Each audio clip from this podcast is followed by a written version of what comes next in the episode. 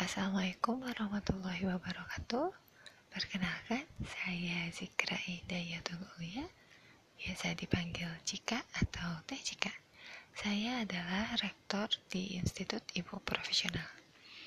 Kali ini saya akan melakukan digital storytelling mengenai pengorganisasian masyarakat dalam komunitas online Pengalaman pertama saya saat bergabung di komunitas ibu profesional bermula tahun 2014.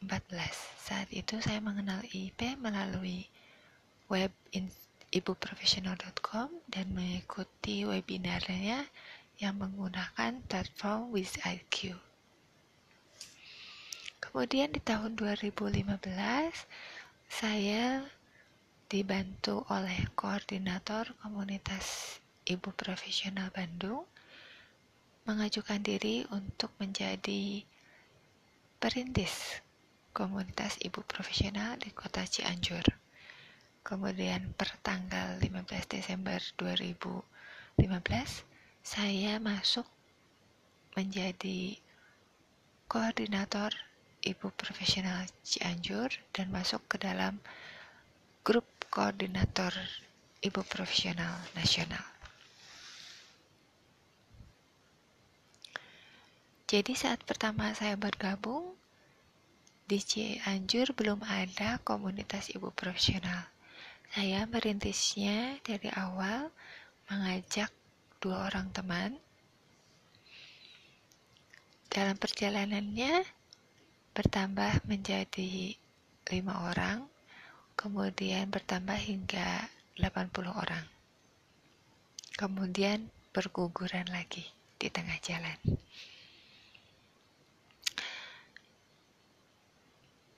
Pengalaman yang paling menarik yaitu saat sistem di ibu profesional mulai dirapihkan dan diadakan matrikulasi saya mengajukan diri untuk mendaftar menjadi matrik menjadi mahasiswa matrikulasi batch pertama. Setelah itu lanjut menjadi fasilitator mat matrikulasi batch kedua. Kemudian lanjut lagi menjadi fasilitator kuliah Bunda Sayang batch pertama. Saat itu yang paling menarik adalah terbukanya kesempatan untuk menjadi leader fasilitator. Saat itu menggunakan istilah kepala suku. Yang menariknya adalah saat itu saya tidak mengetahui kalau yang namanya kepala suku itu perlu mengorganisasikan segala sesuatunya, perlu bekerja sama dengan para fasilitator yang telah dimasukkan ke dalam tiga tim yang berbeda. Pada saat itu saya mengajukan diri untuk menjadi leader dengan anggapan bahwa menjadi leader itu tidak perlu banyak berhubungan dengan banyak orang, tapi cukup mengorganisasikannya. Tapi ternyata justru menjadi leader itu harus banyak berhubungan dengan orang lain. Dari situlah saya banyak belajar mengenai kepemimpinan. Capaian penting yang berkaitan dengan komunitas yang pertama di tahun 2016 saat saya menjadi koordinator ibu komunitas ibu profesional di Cianjur, saya mengadakan festival ibu dan anak di Cianjur tahun 2016 dengan mengundang Ibu Septi. Saat itu padahal dananya sangat minim, tapi uh, acaranya berhasil dilaksanakan. Kemudian saya juga berhasil mengelola lima angkatan perkuliahan Bunda Sayang yang mana setiap angkatannya rata-rata berjumlah 1200 orang. Jadi sudah ada 6000 peserta perkuliahan Bunda Sayang yang saya kelola dibantu dengan tim fasilitator Bunda Sayang dan juga tim Institut Ibu Profesional.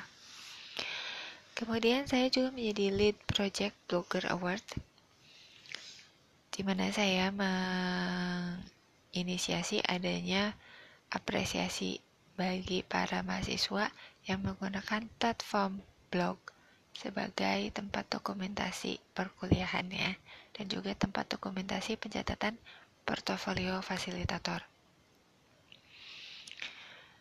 Kemudian saya juga berhasil menjadi lead project Jurnal Institut Ibu Profesional dengan edisi pertama berjudul Jejak Langkah Bunda Sayang. Jurnal tersebut berhasil dicetak dan berhasil dipasarkan di kalangan komunitas ibu profesional. Kemudian capaian selanjutnya adalah saya menjadi Rektor Institut Ibu Profesional di tahun 2019. Dan capaian itu merupakan impian saya. Jadi impian saya sebelumnya itu adalah pernah menetapkan ingin menjadi profesor di universitas. Saya tidak tahu bagaimana caranya bisa menjadi profesor di, di universitas karena saya memang belum ada rencana untuk melanjutkan kuliah. Tapi ternyata saya mendapatkan jalan untuk menjadi profesor versi berbeda, menjadi rektor di Institut Ibu Profesional. Kemudian yang kedua mengenai sistem rekrutmen pengurus dan keahliannya. Di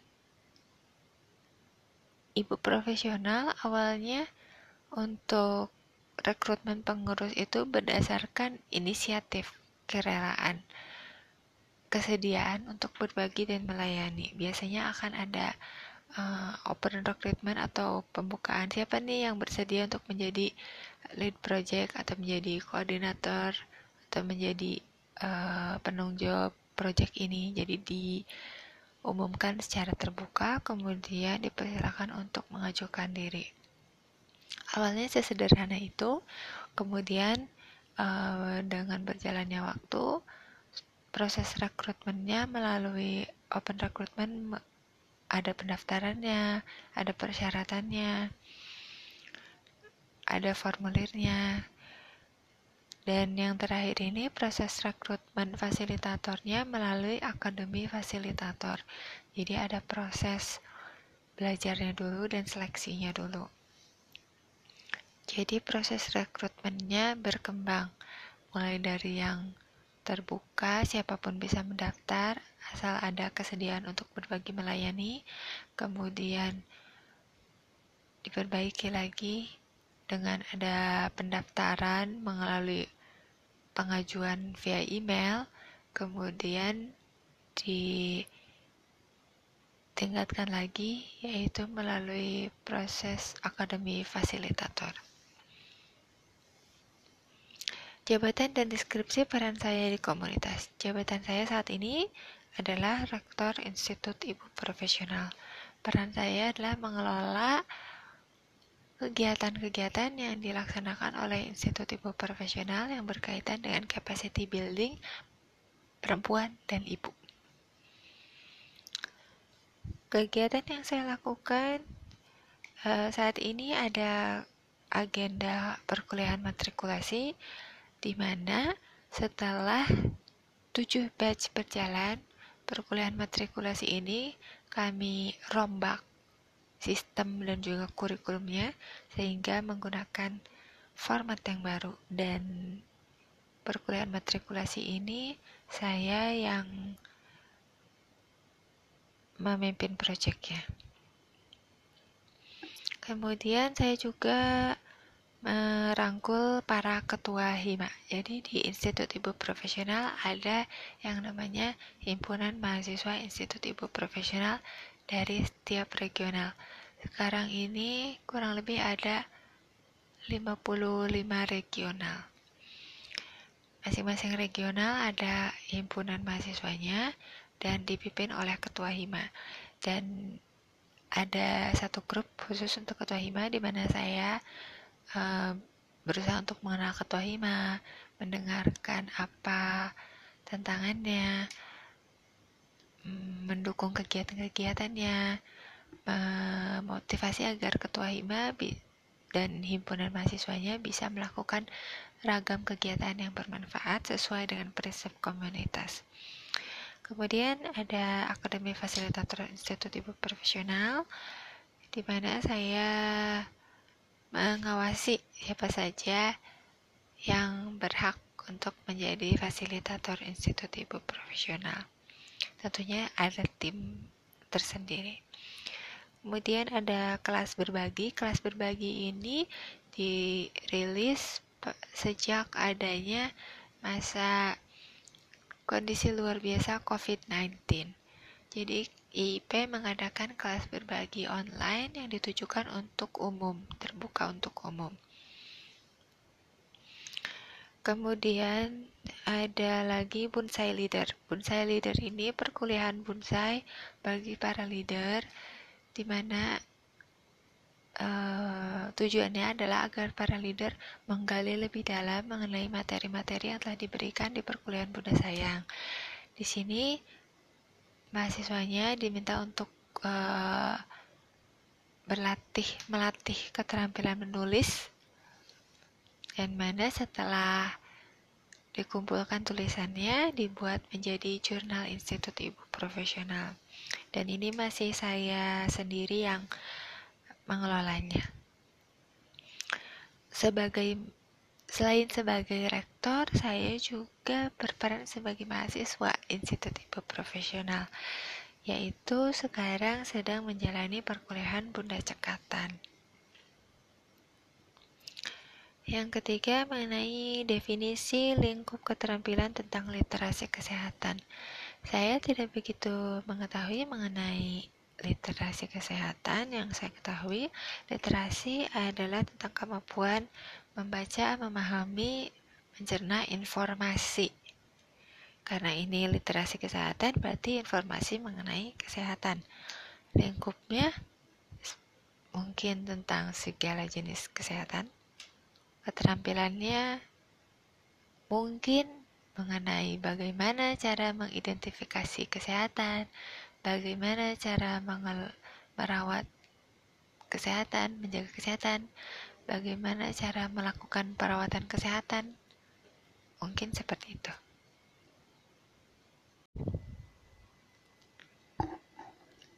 Perencanaan sosial. Yang pertama mengenai level struktur organisasi yang terlibat dalam perencanaan kegiatan. Jadi di komunitas ibu profesional ini ada uh, lima komponen. Komponen institut, kampung komunitas, taman sejuta cinta, laboratorium RCIP, bursa KIPMA.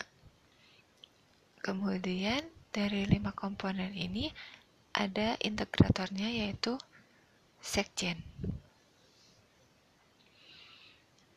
Dalam melakukan perencanaan kegiatan ini, leader dari lima komponen ditambah dengan sekjen dan founder ibu profesional yaitu Ibu Septi dan Pak Dodik tergabung di grup Timnas Ibu Profesional. Di grup tersebut kami merencanakan seluruh kegiatan yang akan dilakukan oleh komponen, kemudian sama-sama diintegrasikan agar setiap kegiatan komponen terintegrasi satu sama lain.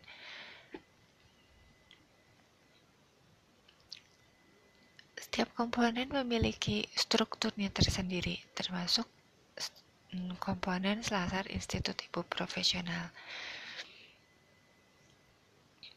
Di tim Institut Ibu Profesional, di tim saya ada Wakil Rektor Bidang Pendidikan dan Kurikulum, Wakil Rektor Bidang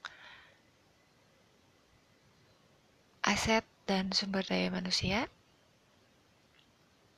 Wakil Rektor Bidang Penelitian dan Pengabdian Masyarakat.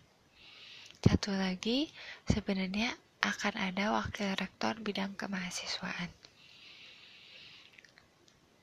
Masing-masing wakil rektor memiliki timnya masing-masing dan saya juga memiliki empat manajer yaitu manajer operasional, manajer keuangan, manajer media komunikasi, dan manajer humas. Tapi untuk manajer keuangan dan manajer humas belum terisi perannya, masih dalam proses seleksi melalui akademi fasilitator.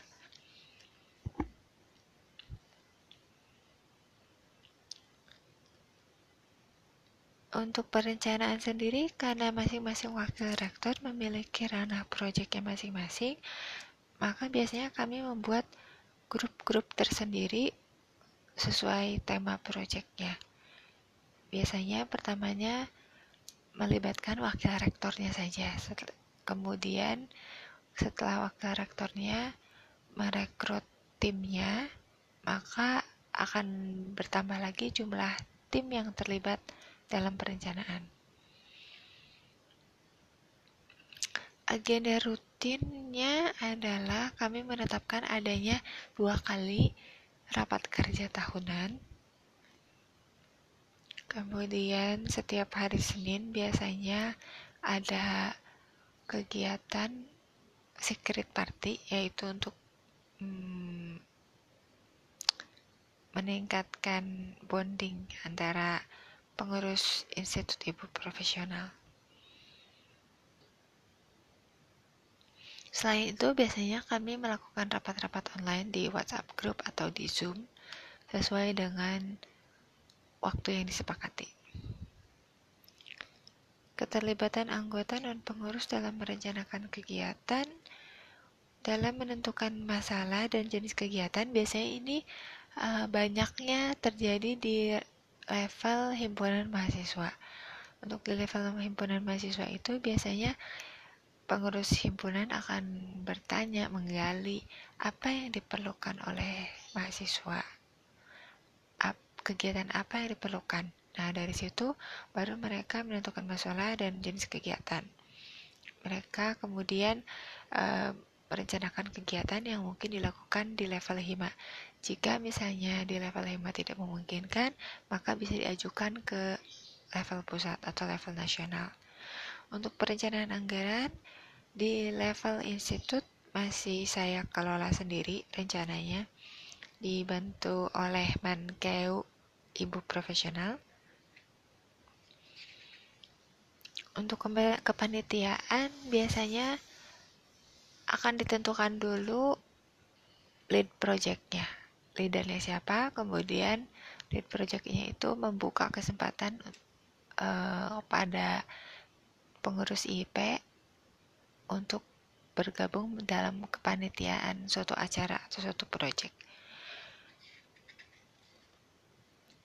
Apakah laporan hasil kegiatannya bisa diakses? Hmm, bisa. Biasanya ada laporan terbuka kepada para membernya kami juga sedang membuat sistem, sedang membangun sistem baru. Kami sebut sebagai New Chapter 2020. Di mana sebenarnya ada yang namanya majelis umum. Majelis umum ini berisi perwakilan dari anggota. Perwakilan dari anggota yang bisa ikut menentukan masalah, kegiatan, perencanaan anggaran, kepanitiaan, dan uh, mengakses laporan hasil kegiatan. Tapi majelis umum ini masih dalam proses pembentukan. Selanjutnya, bagaimana cara memastikan keberlangsungan kegiatan anggota agar dapat dilaksanakan secara rutin dan terus-menerus.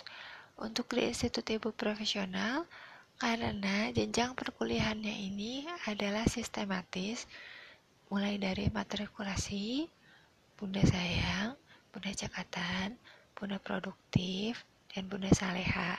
Jadi, member ibu profesional yang masuk ke komponen Selasar Institut Ibu Profesional harus mengikuti tahapannya satu persatu. Tidak bisa dia langsung masuk ke level kuliah Bunda Cakatan. Harus masuk dulu di Bunda Sayang. Dan kalau mau bisa ikut Bunda sayang harus lulus matrikulasi dulu gitu. Jadi otomatis harus berkesinambungan atau terus-menerus. Untuk pelacakannya ada manajer operasional yang memiliki data mana saja member yang berhak untuk mengikuti jenjang-jenjang perkuliahan di IP. Kemudian yang ketiga, cara mendukung anggota untuk menambah anggota atau memperluas jaringan komunitas dan komunikasi. Kami berprinsip ada adanya prinsip di IP itu sharing is caring. Jadi di IP itu kami menggalakkan, menyuarakan agar setiap member itu berbagi pengalamannya, berbagi kebahagiaannya. Dan itu dilakukan secara terus-menerus. Kami lakukan melalui uh, perkuliahan. Jadi di perkuliahan itu setiap tugas itu pasti ada kebahagiaan yang kami bagikan. Dan biasanya per, tugas perkuliahan diposting di medsos. Jadi otomatis banyak non-member atau teman-teman yang bisa menyimak kegiatan-kegiatan yang dilakukan oleh member atau mahasiswa Institut Ibu Profesional. Dan menurut saya dengan cara seperti itu kesempatan untuk merangkul calon member menjadi lebih luas lagi.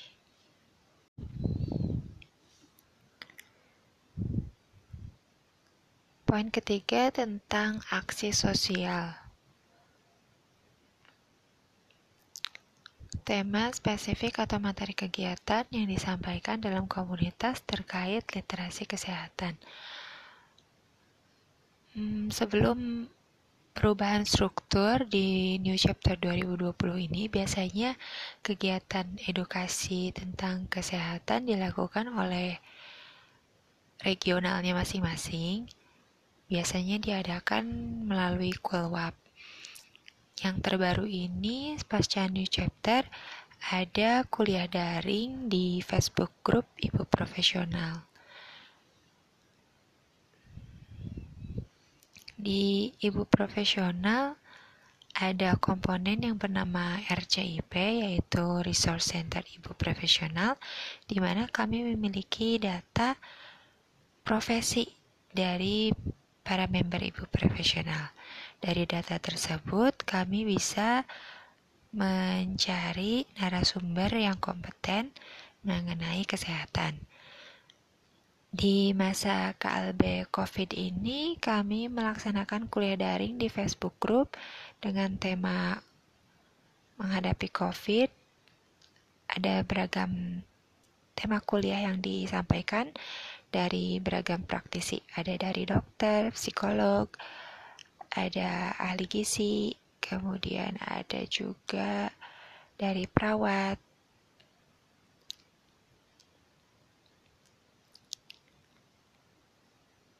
Kegiatan ini dilakukan dalam rangka memberikan solusi atas tantangan kondisi luar biasa COVID.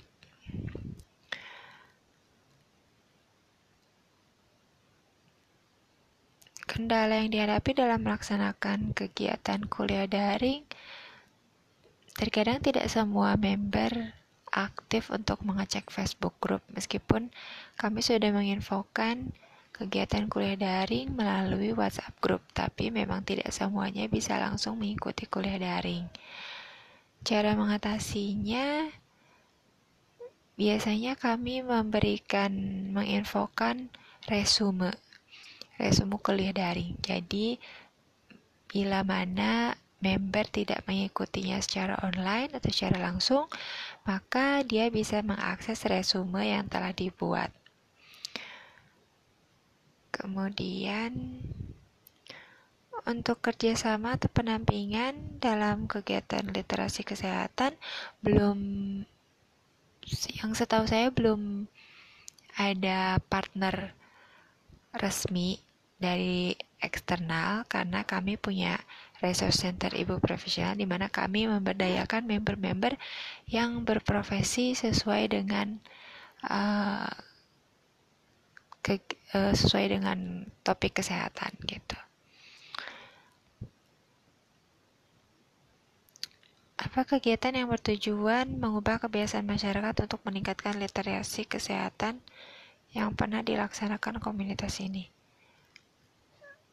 Ya seperti kuliah daring tersebut gitu. Kemudian uh, di regional biasanya ada rumbal memasak. Nah, dari situ biasanya ada ajakan untuk lebih memperhatikan gizi keluarga. Kegiatan terkait literasi kesehatan bersama pemangku kepentingan pemerintah pengambil kebijakan yang pernah dilaksanakan komunitas ini.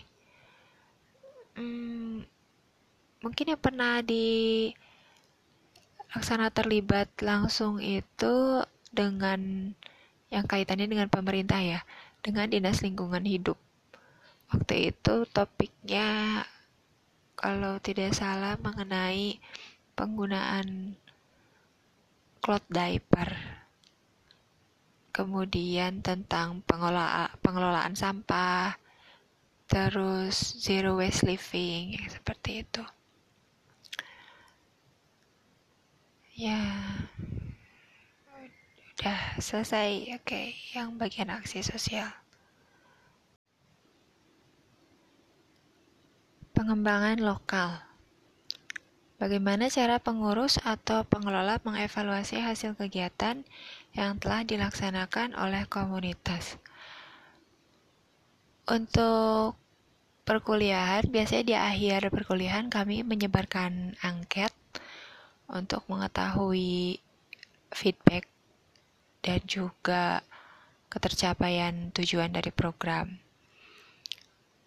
Sebelumnya di IP belum ada tim penelitian, tapi per kepengurusan 2020 ini sudah ada tim penelitian, jadi uh, sedang dirumuskan instrumen evaluasi yang lebih akurat.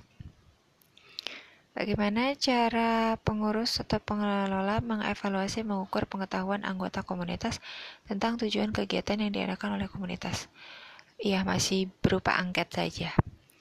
Yang ketiga, bentuk laporan dari anggota komunitas yang menyampaikan kegiatan yang telah dilakukannya terkait literasi kesehatan.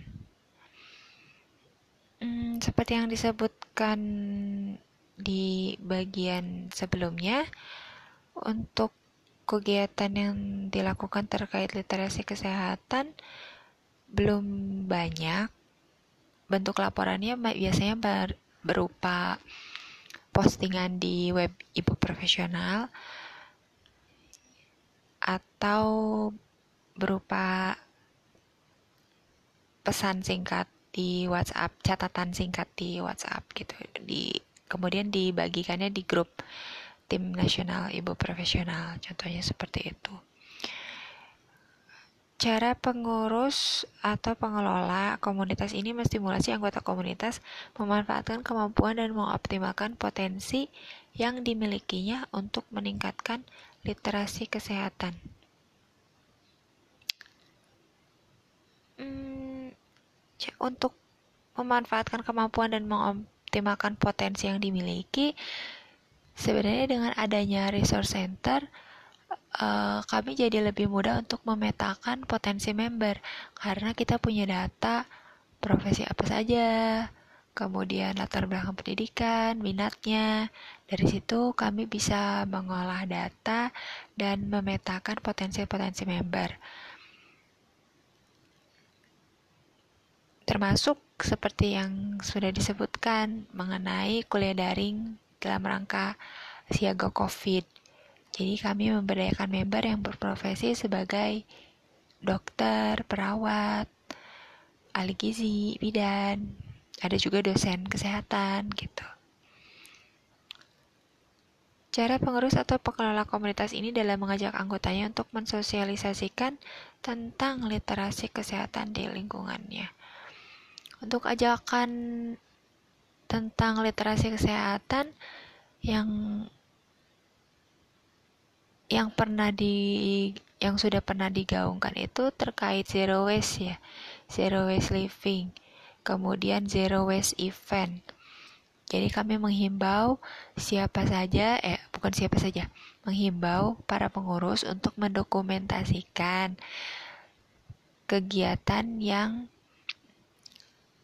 ramah lingkungan atau zero waste event. Jadi didokumentasikan, difoto, kemudian dikirimkan ke tim nasional ibu profesional. Kami juga punya karakter moral yaitu sharing is caring. Maka setiap kali kita mem memiliki kegiatan yang baik dan bermanfaat, maka kami berusaha untuk membagikannya, berbagi karena ada karakter moral yang kami pegang yaitu sharing is caring.